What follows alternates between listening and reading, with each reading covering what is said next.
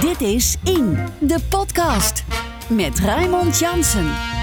Welkom bij de eerste en enige podcast over politiek en maatschappij in Nijmegen. Deze week twee gasten aan mijn linkerzijde voor de kijkers rechts. Marijke Singhaven, kandidaat Kamerlid voor D66, plek 11. En uh, rechts van mij thans Kamerlid voor GroenLinks nog. Hè? Lisa Westveld, plek 5. We hadden voorspeld plek 4, hè? Uh, maar dat hadden we niet goed verteld. Nee, ja, dat klopt. Want de, omdat Frans Timmermans van de PvdA is, zijn nummer 2 en 3 inderdaad naar GroenLinks gegaan. En, daar, en toen kwam er een PvdA tussen en toen kwam ik. Ja. Bijna goed hadden jullie het. Bij, ja, jullie waren wel de eerste die dit zo zo'n hoge plek voorspelden trouwens. Ik was echt verbaasd daarover. Voordat ik het wist. Dit is uh, jaargang 3, aflevering 132 van In de Podcast. Ja, we gaan het uitgebreid hebben over jeugdzorg. Een thema dat jullie allebei eh, aan het hart gaat. Voordat we het gaan doen, even de actualiteit. Want um, nog niet zo lang geleden is de initiatiefwet huurwet, nee, huurbescherming moet ik zeggen, ja. aangenomen. Heel kort door de bocht gaat het over dat uh, kinderen die uh, hun ouders zijn verloren, toch in een huurwoning van een coöperatie mogen blijven wonen. Dat bleek in de praktijk ja, vaak niet voor te komen. Ja. Um, heeft u zich hard gema voor gemaakt samen met, ja. even denken, VVD, Daniel Koerhaus, ja. uh, ChristenUnie. Uh, Pieter Gimbis. die meneer en, en, en Caroline van, Caroline van der Plas. Um, initiatiefwet ging door de uh, Eerste Kamer. Maar dat heeft een aantal corporaties er niet van weerhouden om toch nog mensen uit te zetten. Ja, dat klopt. Ja. Waar doe je het dan voor, vraag je af? Ja, het is echt heel schrijnend. Want de initiatiefwet die gaat binnenkort in. Maar eigenlijk nog voordat die wet officieel ingaat... hebben een aantal corporaties bedacht... dan gaan we nog even heel snel een procedure in gang zetten... zodat we nog een aantal jongeren het huis uit kunnen zetten. Ja. Wat wel een mooi nieuws is... ik ontving gisternacht heel laat een berichtje van een pleegvader...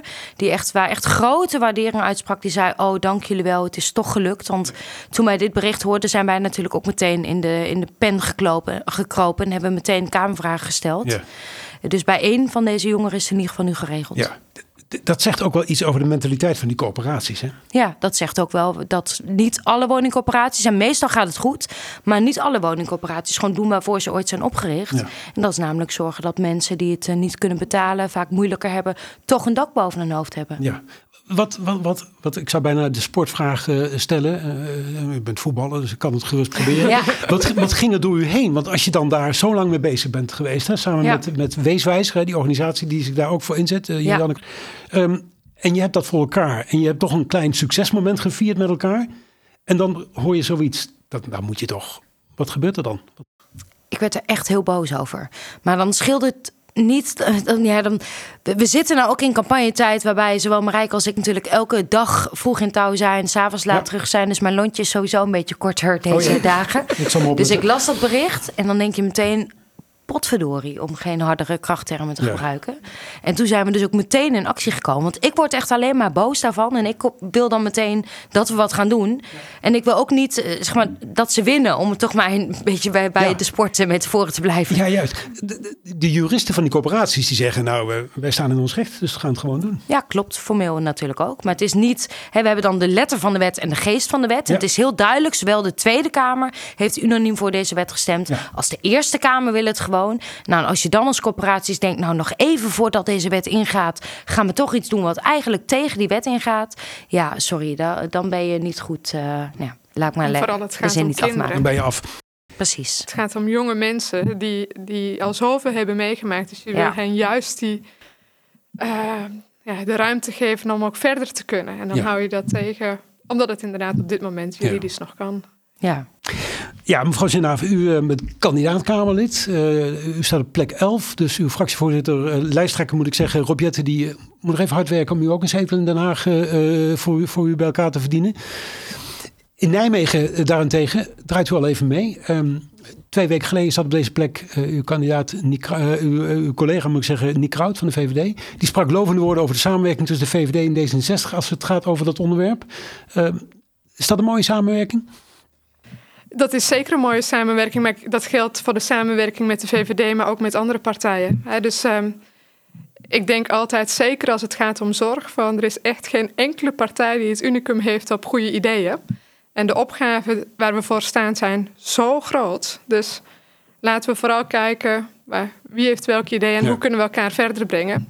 Dat zijn wel hele vriendelijke woorden voor zo'n beetje elke partij die we hebben. Ja, maar ik denk, het zijn vriendelijke woorden, maar we, we laten het ook in de praktijk zien Ja. dat het werkt. Hè? Dus met de VVD zijn mooie plannen gemaakt, maar als ik kijk naar hoe we nu bezig zijn, onder andere met GroenLinks, als het gaat over mentale gezondheid bij jongeren bevorderen, Ja. denk ik, ja, laten we dat vooral samen doen. En tuurlijk is het ook politiek, want tuurlijk wil je ook dat, dat je eigen logo er ook bij staat, maar je doet het uiteindelijk voor de jongeren, voor wie je het beter wil maken. Ja, als we heel kort kijken, want ehm, die gemeentes hebben natuurlijk sinds de decentralisatie er een heleboel taken bijgekregen. Is dat nou winst geweest voor die gemeente? Ja, ik geloof zelf heel erg in de kracht van die gemeente. Dus juist omdat je zo dicht bij die inwoners staat. ehm, en zeker ook als het gaat om zorg. Dus daar geloof ik zeker Ja. in. Ehm, maar dan moet je wel voldoende middelen hebben. Ja. Dus eh, ik denk als we kijken nu naar de verkiezingsprogramma's. Wij zijn degene die overigens net als GroenLinks die bezuiniging van 500 miljoen op jeugdzorg eraf haalt.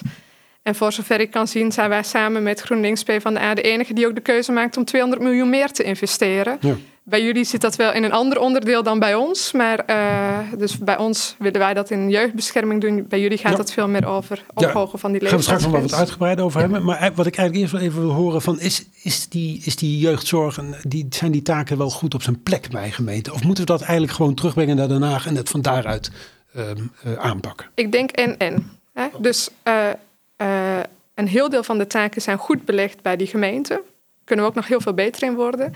En bij een deel van de vormen van jeugdzorg gaan we veel meer regie moeten pakken, ook vanuit landelijk. Eens? Nou ja, je moet dat ook beter organiseren. Want wat ik heel erg zie is dat de lichtere, tussen aanhalingstekens, vorm van jeugdhulp, die zijn er prima af bij gemeenten. Je zou zelfs nog kunnen zeggen dat gemeenten eigenlijk slachtoffer van het eigen succes zijn geworden. Want het idee van de decentralisatie was, gemeenten weten beter die gezinnen te vinden waar die hulp nodig is. Ja. Nou, het gevolg was, veel meer gezinnen klopten aan bij de gemeente en het budget groeide niet mee vanuit het Rijk. Nee. Dus vandaar al die financiële tekorten. Maar wat je ook ziet, is dat juist de jongeren die hele specialistische hulp nodig hebben, omdat ze totaal zijn vastgelopen, dat zijn over het algemeen, en ik, ik heb er een hekel aan om dat te zeggen, maar de duurdere vormen van jeugdhulp. Nou ja, die worden nu hier slachtoffer van. Ja. Want gemeenten hebben lang niet altijd de kennis in huis, niet de financiële middelen. Maar ze zijn ook door de marktwerking, zijn ze ook gewoon ja, in die zin minder, ja, valt daar minder aan te verdienen. Ja. Hoe, hoe gek ik het ook vind om dit hardop te zeggen over jongeren, maar dat is eigenlijk hoe het werkt. Ja. En, en dat deel moet je echt terugbrengen naar landelijke specialistische centra. Die eh, decentralisatie is uit mijn hoofd gebeurd in 2015. Ja. Toen was u nog net raadslid. Ja, dat klopt. Ik heb Ja. die decentralisaties meegemaakt. Ik was toen raadslid op werk en inkomen. Dus ik heb vooral dat ja. deel en ook armoedebestrijding en reïntegratie meegemaakt. Maar ik weet ook wel hoe de Nijmeegse raad zat te worstelen met jeugdhulp. En ook van hoe controleer je nou gemeenten? Want wat je ook in die tijd ziet, is dat heel veel gemeenten moesten allerlei contracten gaan afsluiten. En ik zie dat nou ook als Kamerlid. De ene gemeente weet precies met wie de contracten zijn afgesloten. Maar ook hoeveel jongeren wachten er nog op een plek. En bij de andere gemeente is dat zicht echt totaal verdwenen. dus het, het hangt ook nog af, eh, blijkbaar, in welke gemeente je woont, en Ja. welke zorg je krijgt. Ja.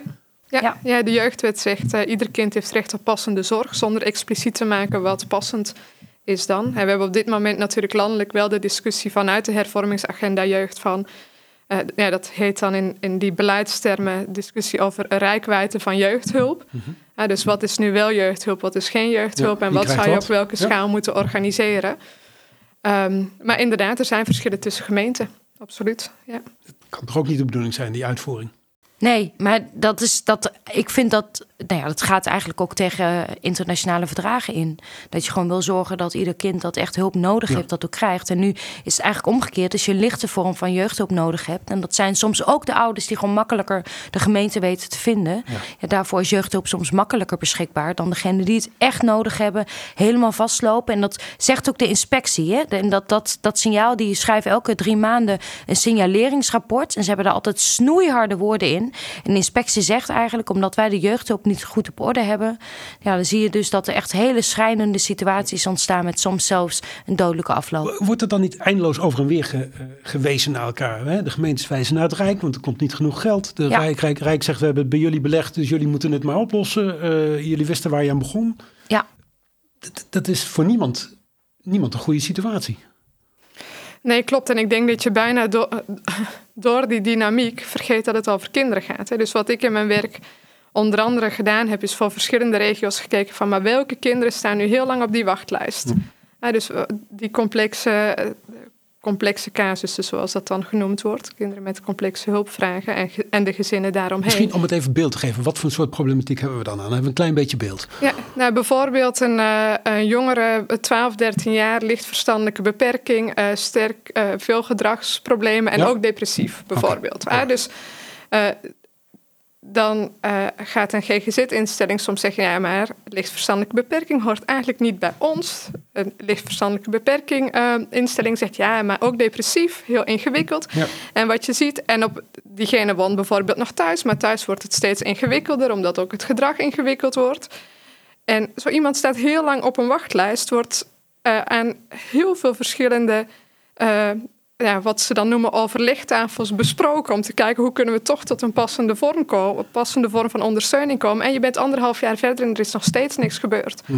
En dat er niks is gebeurd is al verschrikkelijk. Maar dat niemand zich daar ook nog echt verantwoordelijk voor voelt, dat is nog veel pijnlijker. Dus ik denk dat bij uitstek dit onderdelen zijn waarvan je zegt, nou, als je dat beter kan regelen met elkaar, dan zijn we echt stappen aan het zetten in plaats van te wijzen naar elkaar. Want we hebben gezien de afgelopen jaren dat dat, ons niet verder brengt. Wat is een oplossing? Oplossing is om in ieder geval iemand verantwoordelijk te maken. Ja. Want precies wat Marijke zegt klopt. Als ik de staatssecretaris hierop aanspreek, dan zegt de staatssecretaris ja, maar het is belegd bij gemeenten. Ja. En als je dan, als dan de gemeenteraad de wethouder aanspreekt, die zegt vaak ja, we willen wel, maar we hebben onvoldoende financiële middelen. Of je hebt niet de juiste hulp ingekocht. Dus uiteindelijk moet iemand eindverantwoordelijk worden. En ik vind uiteindelijk dat dat de staatssecretaris of de minister is die daar verantwoordelijk voor is. Maar ja, we hebben het op nu hebben we het niet goed genoeg in de wet geregeld. En kan iedereen dus ook naar elkaar blijven wijzen. Dat is een oplossing. Ja, dus ik denk in aanvulling daarop, hè, dus eh, eh, overigens denk ik van de minister is al stelselverantwoordelijke. Dus Ja. eh, wat mij betreft is, is dat eigenlijk al vrij duidelijk geregeld. Ehm, maar daarnaar handelen is natuurlijk iets anders. Dus eh, naast dat- dat punt wat genoemd is, nou, sowieso ga je moeten zorgen dat er lucht ontstaat bij gemeenten. Dus die moeten ook gewoon meer middelen hebben om te kunnen doen waarvoor ze eh, besteld zijn op dit onderdeel. Maar ik denk dat er ook een aantal. Er zitten ook gewoon dingen in wet en regelgeving die, die echt belemmerend werken. Ja. Hè? Dus die, die ook helemaal niet uitnodigen om te zorgen dat je zorg echt langs omheen een kind organiseert. Hè? En misschien een voorbeeld op het moment dat een eh, eh, kind een persoonsgebonden budget nodig heeft om zorg te krijgen. Dan zijn er dus nu gemeenten die daar als voorwaarde aan hangen dat je dan een vrijstelling van leerplicht hebt. Maar dat betekent dus dat, een kind, dat je eigenlijk eist dat een kind geen onderwijs meer krijgt op een, op een reguliere school. Ja. En pas dan kan diegene zorg krijgen. Ja, dat is echt van de gekken. Dus even voor het complete beeld. Eh, als je een kind hebt met een, eh, met een serieuze zorgvraag of een, een ernstige zorgvraag, dan eh, zijn er een heleboel loketten waar je kunt aankloppen. waarvan de medewerkers zullen zeggen: Leuk dat je er bent, maar niet bij mij zijn. Eh, de oplossing wordt gegeven, het feit van het moet op één punt zijn, want moet één iemand de baas kunnen zijn en zeggen: En zo gaan we het doen. Die situatie is er niet. U heeft daar de afgelopen jaren vaak herrie over gemaakt eh, Ja. in, de, in Den Haag. Dat heeft soms geresulteerd tot resultaten, maar vaak ook nog niet. Uw partij was natuurlijk de afgelopen jaren in ieder geval aan boord als het gaat over, eh, over, over regeren. Hoe kijkt u terug op die afgelopen jaren? Kijk, in de basis heel positief. Hè? Dus wij zijn heel blij met wat we hebben kunnen re- realiseren in die afgelopen periode. Als je kijkt naar het complete pakket. Hè? Dus eh, we hebben de grootste investering in onderwijs gedaan in, van het afgelopen decennium. We hebben op klimaat hebben voor het eerst klimaatdoelen Ja. die ook in beeld komen. Als we kijken naar zorg en, en, en jeugdzorg, ja, dat is niet, daar hebben we niet alles kunnen doen wat in ons verkiezingsprogramma staat.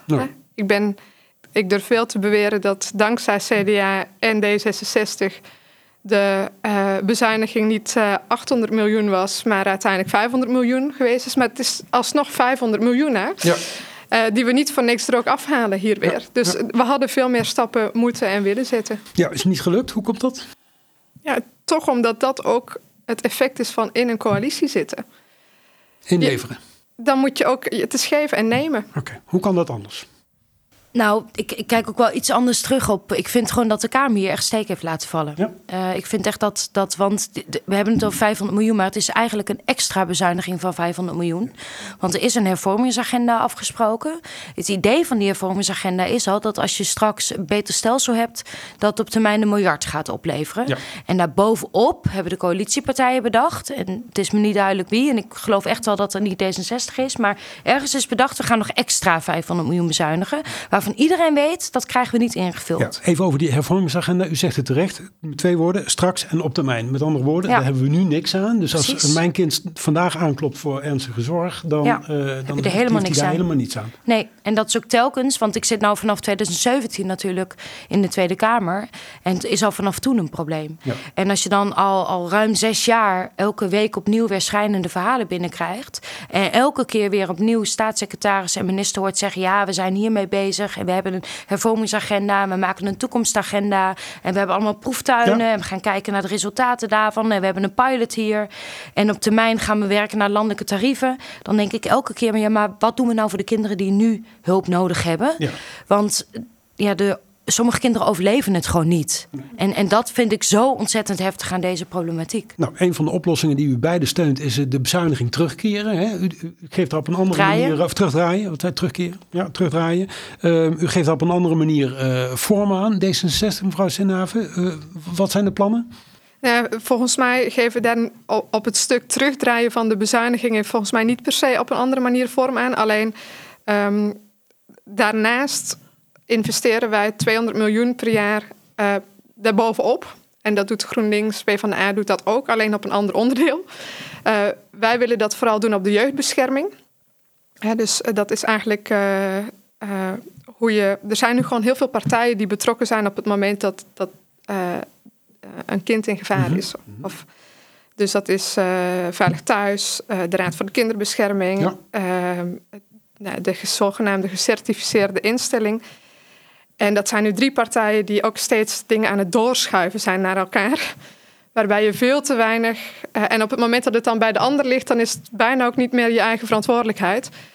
Ehm, terwijl dat, dat moet gewoon één club worden die gezamenlijk die verantwoordelijkheid eh, draagt. Oké, Daar is één nu- loket waar iedereen terecht kan eh, met, met, met een breed aantal vragen, zeg maar. Nou ja, en dus ook één aanspreekpunt als het niet goed gaat. Ja. Hè? Want eh, als ouder heb je nu geen idee meer hoor. Moet ik nou bij Veilig Thuis zijn? Moet ik bij Raad voor de Kinderbescherming zijn? Moet ik bij de instelling zelf zijn? Nou, eigenlijk proble- problematiek die u ook schetst. Wat, Ja. wat zou uw oplossing zijn? Ja, er, er moet sowieso moet die bezuiniging dus worden teruggedraaid. En dat, dat is nog best wel een spannende, want de meeste partijen doen dat dus niet. En dat vind ik echt ongelooflijk en ook heel heftig. Want we moeten al een miljard bezuinigen. Ga dan niet nog eens een keer 500 miljoen extra bezuinigen. Waarvan we op een stelsel waarvan we allemaal weten dat het eh, niet goed gaat. Ja, wat je ook zou moeten doen is echt blijven investeren en zorgen dat er meer gespecialiseerde plekken komen. Daar heb ik in 2019 met Jesse Klaver een amendement over ingediend. 26 miljoen per jaar kwam er beschikbaar. En we weten dan ook dat dat lang niet overal op de goede plek terechtkomt. Waar ik best wel eh, heel boos over ben. En ook laatst weer ben eh, geworden. Want dat is best een eh, fors bedrag. En wat wij ook heel expliciet hebben opgenomen... is dat we willen dat jongeren die 18 worden... en die nog een tijdje naar huidige hul- hulpverlener willen daarvan gebruik willen maken. Ja. Dus altijd besluiten jongeren dat die leeftijdsgrens wordt opgerekt. En daar zijn we met een eigen initiatiefwet bezig. Die ligt nou in de afrondende fase. En we zijn nu aan het kijken van hoe kunnen we die nou op een goede manier indienen... zodat die ook een meerderheid haalt. Want als je dit wil, moet je ook zorgen dat je een meerderheid hebt van de partijen die achter Ja. je staat. En ook nee, een initiatiefwet doe je een paar jaar over om dat echt goed Ja. te regelen. Want je moet vier verschillende wetten aanpassen. Als je zoiets, wat eigenlijk heel logisch en heel simpel lijkt, Ja. wil veranderen. Die, die, die, ja, die grens van 18 jaar, die moet dan geleidelijk aan, eh, die moet opgevoerd worden naar, ik meen 23, hè? Dat is een van uw plannen. Ik weet eigenlijk niet meer. Nee, van volgens mij. Van, wie. Van GroenLinks, hè? Wij Ja. zeggen, maakt, nee, wij zeggen maakt in ieder geval 21. Eh, maar dat heeft weer mee te maken dat. ehm, het lastige is heel erg dat als jij zo'n plan eh, indient, dan moet je ook een meerderheid hebben. En ik zou het liefst willen dat we helemaal geen leeftijdsgrens hanteren. We heel eerlijk zijn, als een jongere fijne hulpverleners heeft, laat die jongeren alsjeblieft die hulpverleners houden. Ja, want wat, hoe, wat is er nu de situatie? Op het moment dat die enige leeftijd bereikt heeft, dan houdt het acuut op. In principe wel, want je hebt een, de jeugdwet die geldt tot 18. Ja. En als iemand een nahulp nodig heeft, dan val je onder de GGZ... of on- onder de wet langdurige zorg of onder de zorgverzekeringswet. Of je valt helemaal buiten het leenstelsel. Dus er zijn allemaal verschillende routes. Valt voor sommigen een enorm gat. Gemeenten hebben de mogelijkheid om verlengde jeugdhulp toe te kennen. Maar ja, dan moet de gemeente dat uit eigen portemonnee betalen. Precies. Heb je weer die ongelijkheid. Sommige gemeenten doen dat wel en andere doen het niet. Aanvullend. Ja, dus ik denk dat als je kijkt naar de wettelijke mogelijkheden, zit er al de, de kans om te verlengen tot, tot 23. Ehm, eh, ik denk, dit is wel een onderdeel waar we net wat anders in zitten. Hè? Dus ehm, wij zeggen ook van, er moet zeker geen harde grens zijn op 18. Dus het is prima om richting 21 te kijken. Maar dat moet, die tijd moet wel gebruikt worden om te kijken of je kan gaan afbouwen. En afbouwen kan pas als je aan die zogenaamde Big Five voldoet. Dus als je een woning, als je een fijne plek hebt Ja. om te wonen, als het goed met je gaat. Dus, ehm, Allemaal factoren die je niet in de hand hebt. ja, nou, en ik merk het ook in de praktijk. Hè. Dus ik, ehm, soms helpt het ook heel erg om een deadline te hebben. Omdat je dan met elkaar gaat kijken, oké, maar wat gaan we dan doen om te zorgen dat het op dat moment gaat werken? En hoe gaan we daar naartoe werken? En hoe stel ik me dat dan voor? Eh, eh, eh, Een jongere is eh, 21 aan het worden of 18 aan het worden. En hij moet voor die tijd een woning hebben. En er moet eh, passende zorg zijn. En zo niet, wat dan? Nou, eigenlijk zijn gemeenten daar ook wel, wel mee bezig. En dat zit, dat, maar dat zit ook in onze wet. Want natuurlijk, je wil niet dat iedereen maar onbeperkt altijd maar jeugdhulp heeft. Ook omdat het niet altijd nodig is. En heel erg vaak merk je dat eh, nee, mensen die jong zijn, gewoon waar je het meest aan hebt, is zorgen inderdaad dat je bestaanszekerheid hebt. Ja. Een woning, zorg, onderwijs, een, een fijn netwerk om je heen. Gaat Eigenlijk wil je gewoon dat soort dingen regelen. natuurlijk. Nee, en ik zat laatst ook bij de gemeente Nijmegen, waar we ook met een aantal mensen al in gesprek waren om te praten over hoe doen jullie dat nou? Ook omdat ik bij input van zo'n wet natuurlijk ook heel veel heb aan input Ja. vanuit de mensen zelf en vanuit ook ambtenaren die daarmee bezig zijn. En dat is natuurlijk het allerbelangrijkste. Dus het laatste wat ik zou willen is dat we iedereen maar voor altijd in hulp houden. Maar hier gaat het wel over een groep die soms ja, 18 wordt, soms nog een traject moet afmaken. Ja. Voor wie 18 al best een heftige leeftijd is, want je bent ineens volwassen. Ja. Eh, je moet in één keer allerlei zaken zelf betalen, zelf regelen enzovoort. We weten ook dat dakloosheid onder jongvolwassenen aan het toenemen is. Nou, om deze, onder meer om deze redenen. Dus alsjeblieft, laat iemand 18 worden. En daar inderdaad geholpen worden naar die zelfstandigheid. En naar dat goede netwerk. En dat is, ook, ja, dat is ook wat we zien als je kijkt van, maar wat kan nu echt helpen om het weer meer over die cliënt te laten gaan? Dus op het moment dat een zorgtraject gestart wordt, dan maak je een perspectiefplan. Een plan van, oké, maar waar werken we naartoe? Ik denk dat er een wereld te winnen valt als je in dit perspectief, perspectiefplan veel meer gaat kijken. Oké, maar ook al is het nog pas binnen twee of drie jaar, maar hoe gaan wij zorgen dat je dan een woning hebt? Hoe gaan wij zorgen dat je dan een opleiding hebt afgerond? Dus daar is een wereld te winnen. Ja. Ik heb het idee dat u hier samen wel uitkomt op op dit onderwerp. op dit deel van het Ja, wij wel, denk ik. Maar, maar een meerderheid eh, is nog Ja. niet per se binnen Nee. handbereik. Nee, en dat, is echt het spannende. Maar we hebben nog een paar dagen tot de verkiezingen, dus je weet Ja. niet wat er van komt. Dit is In, de podcast. Een ander groot probleem dat toch ook wel heerst in de jeugdzorg... ehm, zijn de beloning voor de mensen die werkzaam zijn in die sector. CO-onderhandelingen zijn, eh, zijn nog niet zo lang geleden een keer geklapt. Ik geloof dat er nu weer gesproken wordt. Recentelijk las ik eh, dat er weer wat aan tafel komt. Ja, mensen die eh, vertrekken uit de zorgsector... omdat ze elders in de zorg beter kunnen verdienen. Ja, Groot heel probleem. groot probleem. Ja, heel toch? groot probleem. Ja, Ja. en oplossing is een hoger salaris. Ja. Alleen dat kan niemand betalen. Nee, hebben wij ook samen om gevraagd. Eh, en dat was best een lastige keuze. Want gemeenten en ook onze eigen wethouders komen dan naar ons toe en zeggen: Wacht even, jullie willen dat wel landelijk afspreken. Weten jullie wie dat moeten betalen? Dat zijn wij. Dus dat is weer zoiets waarvan we toch eh, samen het wel de, de, de, ja, de opmerking hebben gemaakt: Nou ja, we willen dit gewoon regelen. Want we weten nu dat heel veel mensen uit de jeugdzorg, eigenlijk breed uit de zorg Ja. weggaan. Omdat gewoon echt die salarissen daar heel erg laag zijn. ik geloof, ik, ik geloof Niet voor iedereen eh, trouwens. Jong heeft het onderzocht. Hè, en die zeggen als, als dit zo doorgaat. Die hebben geloof ik 68, als ik het even gauw opzoek, 68 van die eh, instanties gebeld. Hè, en die hebben gezegd, eh de gaan er, gaat er gewoon een stuk of wat failliet. Een heel eind. Als er 44 van de 68, die gaan failliet, jeugdzorgorganisaties. Als zij die eh, salarissen moeten gaan betalen. Nou kijk, er zijn nieuwe CAO-afspraken gemaakt en het, het lijkt me vanzelfsprekend dat je dan ook dat gaat toepassen. Hè? Dus eh, ehm, allereerst, we hebben sowieso op onderwijs gezorgd dat, dat leerkrachten tot 1800 euro meer per maand verdienen. Dat is ontzettend goed en belangrijk, want daar zie je datzelfde personeelstekort. Hè? Ja? Als we kijken naar zorg, zijn daar volgens mij ook heel terecht loonsverhogingen eh, eh, doorgevoerd. Wij investeren ook nog ehm, bovenop die, die 200 miljoen waar we het net over hadden... in het verhogen van die salarissen voor de andere mensen... die in dat sociaal domein werkzaam zijn. Dat het niet alleen de mensen binnen die instellingen zijn. Maar ik merk in, in mijn werk ook, hè, dus als je dat gaat doorrekenen naar tarieven, Ja. zit je gewoon al snel op ehm, ja, tariefstijgingen van 30 à 40 procent. Want we zien enerzijds de loonkosten die stijgen. En we zien anderzijds ook dat we steeds meer naar kleinschaligere ondersteuning willen gaan. Dus je hebt ook nog eens meer mensen nodig Ja. op die groepen. Dus dat, dat, dat, levert, dat heeft, geeft veel druk op financiën. En ik denk, als we even uitzoomen, gaan we ook, is dit systeem natuurlijk ook gewoon niet houdbaar. Dus de kwaliteit, betaalbaarheid, toegankelijkheid van zorg in algemene zin, maar zeker ook van jeugdzorg, staat onder druk. Dus we gaan ook de komende jaren echt moeten kijken hoe we het op een andere manier gaan vormgeven. Ja, maar, maar eerst even terug naar die CAO-onderhandelingen. Want er wordt gezegd een, loon, een loonstijging van, ik geloof, wat is het? 12, 12 procent moet er, moet, er, moet, moet, moet er komen voor die Het mensen. verschilt een beetje. Dat gaat tot, eh, tot eh, pardon? Het verschilt een beetje ja, per precies. eh, Ja, inderdaad. Nou, dat gaat, dat gaat leiden tot, schrijft uh, Ernst Jong, een insolventierisico. Met andere woorden, ze kunnen, de, ze kunnen het gewoon niet meer betalen straks. Ja, dan hebben we helemaal niks meer. Nee, daar moeten we dus keihard voor knokken bij, die, eh, bij hopelijk ko- komende coalitieonderhandelingen. Want het is inderdaad een dilemma. Als we op deze manier doorgaan, dan snap ik heel erg goed dat ook instellingen zeggen en ook gemeenten zeggen: wij kunnen dit gewoon niet betalen. Want vanuit het Rijk hebben jullie jarenlang ons gekort. Terwijl wel de instroom van jongeren is toegenomen. Ja.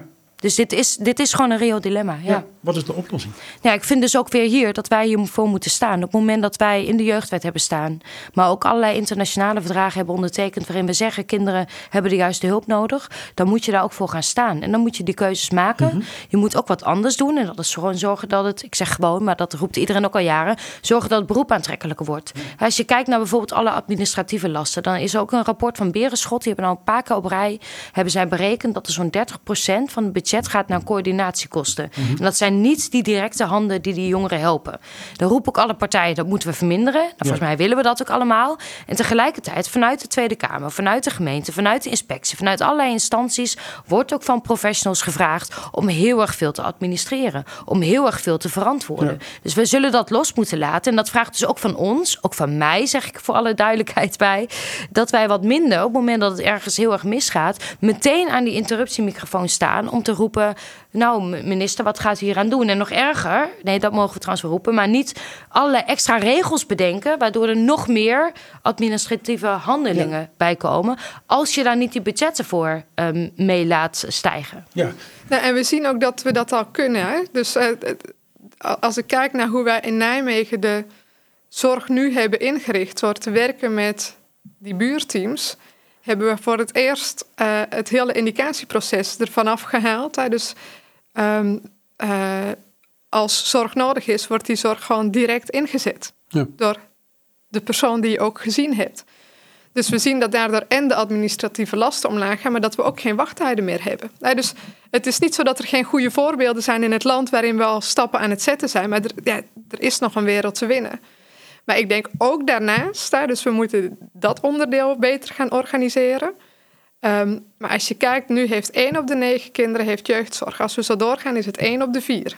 Binnen nu en, wat zeiden we, 10, Ja, dat weet ik 15 ook jaar. Ehm, het is natuurlijk van de gekken. Hè? Dus er is ook een heel groot maatschappelijk vraagstuk van hoe kijken wij naar zorg en ehm, hoe, hoe kunnen we zorgen dat bijvoorbeeld die mentale weerbaarheid van jongeren om- beter wordt. Dus naast dat we ook moeten kijken naar administratieve lasten, naar kijken wat technologische ontwikkelingen zijn die ons zouden kunnen helpen en andere vormen. Maar er is ook een andere mindset Ja. gaat nodig zijn. We kwamen op dit onderwerp omdat ik het over die CAO had en de lonen die maar niet, Ja. eh, niet wilden stijgen. Eh, heel concreet, als de gemeenten het niet willen betalen en vanuit het Rijk komt het geld ook niet, dan kan de, de kunnen de bonden tot in, eh, hoe heet dat, Sint-Jutemus met elkaar praten, maar dan komt die loonstijging nooit. Althans, niet, eh, die komt dan niet binnen bereik, want het kan niet betaald worden. Dus dat is de oplossing dan blijkbaar niet. Wat is de oplossing? Wel, Ja, dat een van beiden wel over de brug moet komen. Nee, ik, snap, ik snap je punt, maar dit Ja. is gewoon echt een enorm lastig dilemma. Dat we ook nu te maken hebben met een politieke realiteit. Waarin er gewoon heel veel partijen en ook in de Kamer zitten. Ja, die, ik. die niet willen investeren in bijvoorbeeld jeugdhulp. Dus dit is echt een enorm politiek dilemma. Hoe je daarmee om moet gaan. Op het moment dat je het wel wil. Maar je weet ook dat het heel moeilijk is om daar een meerderheid voor te krijgen. In ieder geval in de Tweede Kamer. ja, dus er moet draagvlak komen breder dan de twee partijen hier aan tafel. Ja, en ik hoop ook dat, dat nou ja, dit is natuurlijk ook weer zoiets dat we allemaal heel makkelijk. Uh, als ik zeg jeugdzorg is belangrijk, dan, dan vindt iedereen dat. Uiteraard. Maar op het moment dat je ook gaat kijken naar uh, welke prioriteit hebben partijen echt en waar betalen ze het van, dan zie je toch echt dat er hele grote verschillen zijn. En dat veel partijen nog steeds jeugdhulp, maar ook uh, eigenlijk in brede zin. Gewoon beleid van mensen die, die kwetsbaar zijn, mensen met een beperking zie ik het ook, dat dat niet genoeg op het netvlies staat. Ja. Eens? Ja, eens. En ik, ik ik maak me daarbij ook echt zorgen om een nieuw sociaal contract. Hè? Want als je kijkt naar wat in hun verkiezingsprogramma staat, uh, staat ook dat zij überhaupt twijfels hebben bij de hele hervormingsagenda jeugd. Zonder overigens met een alternatief te komen. Ik denk, dit is een van de partijen die heel groot zal worden. Maar hoe gaan we nu zorgen dat we, nou, allereerst zorgen dat er voldoende financiële middelen zijn, maar ook dat je niet drie jaar stilstand hebt? Of of langer. Een partij die ook heel groot uh, aan het worden is, is de PVV van Geert Wilders. En uh, die partij staat er toch ook wel bekend dat die een warm hart toedraagt aan de zorg in de breedte. Is dat een partij om in ieder geval mee te praten, mocht er coalitieonderhandelingen komen waar D66 bij betrokken is, of is dat niet aan de orde? Wat ons betreft niet. Zelfs niet als deze, dit precaire onderwerp van jeugdzorg um, daarmee nee. een stapje dichterbij kan eh, komen wat betreft een oplossing. Nee, wij gaan niet bijdragen aan een coalitie met partijen die de rechtsstaat ondermijnen. Nee, die, die, die ken ik. Maar we hebben zojuist glashard uh, aangetoond wat er mis is aan het stelsel zoals het er nu ligt. Hè. Er is geen geld, de mensen wijzen naar elkaar, er is geen korte termijn oplossing. Um, stel dat die er wel kan komen met zo'n partij. Nee, maar kijk, uh, het mooie van een democratie is dat we veel verschillende partijen hebben. En het mooie is ook dat je met elkaar tot een coalitie probeert te komen. En een coalitie is geven en nemen. En je gaat naar het totaalpakket kijken. En als ik kijk naar het totaalpakket van de VVD, is het geen optie dat wij, zelfs als je op jeugdzorg dan voldoende ja. geld, eh, of op zorg in brede zin, daarmee voldoende financiële middelen zou kunnen vrijmaken, weegt dat voor ons niet op tegen alle risico's ja. die we op al, eigenlijk ja. zoveel andere thema's zien. PVV bedoelde u, hè? Sorry. Ja, ja. precies. Ja, en bovendien uh, is de PVV, net als een aantal andere partijen... je kan als partij alles opschrijven in je programma, hè? Ja. Echt van alles. Je kan heel mooie beloftes doen. Maar heel veel partijen laten hun programma niet door een externe partij doorrekenen. En dat is het Centraal Planbureau. En wij doen dat wel. Er zitten ook allerlei kanttekeningen aan. Want je kan niet alles vatten in economische modellen. Maar partijen die hun programma niet laten doorrekenen... kunnen alles beloven. Want je hoeft er geen externe... Geen externe uh, nee, je laat er niemand extern naar kijken. Dus je hoeft er geen verantwoording over af te leggen. Nee. En dat is ook wel echt het lastige, vind ik ook nu in verkiezingsdebatten. Dat ik soms partijen allerlei beloftes hoor doen. Maar ze, we hoeven nooit aan iemand uit te leggen waar ze het van betalen. Want dat laat ze niet doorrekenen. En dat doen wij wel. Donderdagavond bij het debat op SBS uh, zette Geert Wilders de deur maar weer op een uh, grote kier richting, richting in ieder geval de, de VVD. En ook richting nieuw sociaal contract van Pieter Omzicht. Um, zijn er nog kansen voor een minder rechtse coalitie dan die er nu lijkt te komen? Want het gaat wel heel erg richting die partijen, heb ik de indruk. Ja, ik vind het super spannend. Ja. In, in alle eerlijkheid. We, hebben nu, we zitten nu een paar dagen voor de verkiezingen. En wij zijn allebei natuurlijk heel veel debat aan het, uh, aan het aflopen. Maar ik zie ook inderdaad hoeveel Nederlanders stemmen. En dat ze op, uh, op nou ja, rechtspartijen stemmen. En ik vind dat ontzettend spannend. Omdat juist die, ja, die onderwerpen waar ik me de afgelopen zes jaar hard voor heb gemaakt in de Kamer. Maar ook waar gemeenten mee zitten. Ja. ja daar zie je dat, dat Nederland helemaal niks heeft aan een hele... Tenminste, een deel van Nederland wel. Hè. Laten we heel eerlijk zijn. Met een deel van de Nederlanders gaat het gewoon hartstikke goed. En een deel van de Nederlanders, uh, ja, die, die kent niemand die in de jeugdzorg zit. Of niemand met een beperking. Of niemand die in de armoede leeft. Ja, en inderdaad, dan snap ik misschien wel dat je soms het beeld hebt dat het gewoon hartstikke goed gaat. Maar dan hoop ik ook dat mensen om zich heen kijken. En zien hoe groot die kloof is. En zien hoeveel mensen in Nederland het echt heel moeilijk hebben. Prioriteiten dus. Ja, nee, en ik, ik maak me zorgen om, om uh, ik, ik, maak me misschien nog wel meer zorgen om de conservatieve wind die, die waait doorheen uh, uh, Nederland. Hè. Dus we zien een nieuw sociaal contract die nou ja, zelf al aangeeft met SGP prima om, om, mee, om mee, mee samen te gaan werken. We zien een VVD. Hij komt daar alweer een beetje op terug nu, hè, omzicht. Ja, terzelfde tijd heeft hij wel al die tijd met SGP meegestemd. Hè? Dus de afgelopen periode. Dus volgens mij is dat ook wel vrij duidelijk welke lijn daarachter zit. We zien een VVD die ook conservatiever wordt. En ik denk alleen maar, dat is voor mij ook oprecht een van de belangrijkste redenen om me nu ook kandidaat te stellen. Ik heb een vrouwelijke partner met twee kinderen. Ik wil dat zij opgroeien in een Nederland waarin zij zien dat het tradition zogenaamde traditionele gezin man-vrouw echt niet meer of niet minder waard is dan elke andere vorm van uh, uh, samenstelling van gezinnen. Dus ik denk dat ik me daar nog wel het meest zorgen over maak. En met de kennis in het achterhoofd van, nou ook hoe, hoe het stemgedrag is in Nederland, denk ik, ja, dan ben ik al helemaal blij met wat we de afgelopen jaren hebben kunnen doen. Ja. Als u mevrouw Westerveld hoort praten en hoort eh, de strijd die ze heeft moeten strijden de afgelopen jaren en de, en de opbrengst onder de streep die dat, behalve dat dat wel gerealiseerd is natuurlijk, hè, eh, allemaal heeft opgeleverd. Uh, u begint nogal ergens aan met uw kandidatuur. Ik heb er zoveel zin in. Ja, ik zou het fantastisch vinden uh, als dit me gegund wordt. En juist omdat we dan zouden kunnen samenwerken. Juist om, om elkaar ook te vinden op die onderwerpen. Um, ja, ik, merk, ben me er natuurlijk van bewust ja, dat het een hele intensieve baan is. Die heel veel, heel veel vraagt. Maar juist door alles wat ik de afgelopen jaren gezien heb op dat terrein van, van zorg in brede zin en ook jeugdzorg, denk ik, ja, maar er zijn zoveel dingen waar we gewoon Den Haag voor nodig hebben om het beter te maken. Ja. Ik hoop van harte dat ik daar een bijdrage aan mag leveren. Is dat in een, coalitie, in een linkse coalitie met uh, GroenLinks en Partij van de Arbeid uh, ook nog met een, met een bewindspersoon Westerveld? Nou, dat vraag ik me af. Want ik denk, um, om heel eerlijk te zijn, dat ik veel beter ben in, het, uh, in de stem zijn van uh, mensen. Ja. En, da en ik lijkt me ook best wel, uh, nou, nou zeg ik misschien iets waar ik later spijt van ga krijgen, maar het lijkt me best wel saai om minister te zijn, omdat je dan de hele tijd in overleggen zit. En ik wil heel graag gewoon met mensen zelf praten. De beste ideeën haal je ook uit met mensen zelf praten. Ik zat uh, vorige week hier nog met de schoolklas. Die hadden allemaal hele goede ideeën. Ik had twee weken geleden een groep mensen met een verstandelijke beperking bij mij langs in de Tweede Kamer. Die gewoon hele logische vragen aan mij stelden. En die met, met heel goede dingen ook bezig zijn. En daar haal ik dus mijn energie uit. En dat lijkt me een heel stuk moeilijker. Laat staan dat ik nou, ook nog heel graag naar concerten, festivals met vrienden in de kroeg wil zitten. Nou ja, als je bewindspersoon bent, dan weet ik niet of je überhaupt die ruimte nog hebt. Dus Kamerlid Zinhaven, ja. Heel graag. Minister Westerveld. Laat mij maar lekker de komende tijd nog Kamerlid zijn. Goed. Nog een paar dagen tot, uh, tot, uh, tot woensdag, uh, de verkiezingsdag. Um, drukke agenda nog? Zeker. Volgens mij geldt dat voor ons allebei. Wij, het is, voor mij geldt in ieder geval, het is een fantastische tijd geweest de afgelopen weken. Met vrijwel elke dag verkiezingsdebatten en andere activiteiten. Ja ik ben moe, maar wat is het leuk om te doen? Ja, en daarna begint het pas natuurlijk, hè? Ja, nou ja, de, de komende dagen wordt ook nog wel best wel heftig. Uh, dus je ziet uh, mij ook kleine oogjes hebben en soms wat uh, moeilijker uit mijn woorden komen. Gewoon vanwege dat we al zoveel hebben, ja, zoveel hebben gedaan de afgelopen ja. tijd. Maar daarna wordt het echt heel spannend. Ja. ja. ja. En wij gaan er snoeihard voor knokken natuurlijk om wel die linkse en progressieve ideeën naar voren te brengen in een nieuwe coalitie. Maar we moeten ook echt kijken wat er op de 22e gaat gebeuren. Zoals wij allemaal.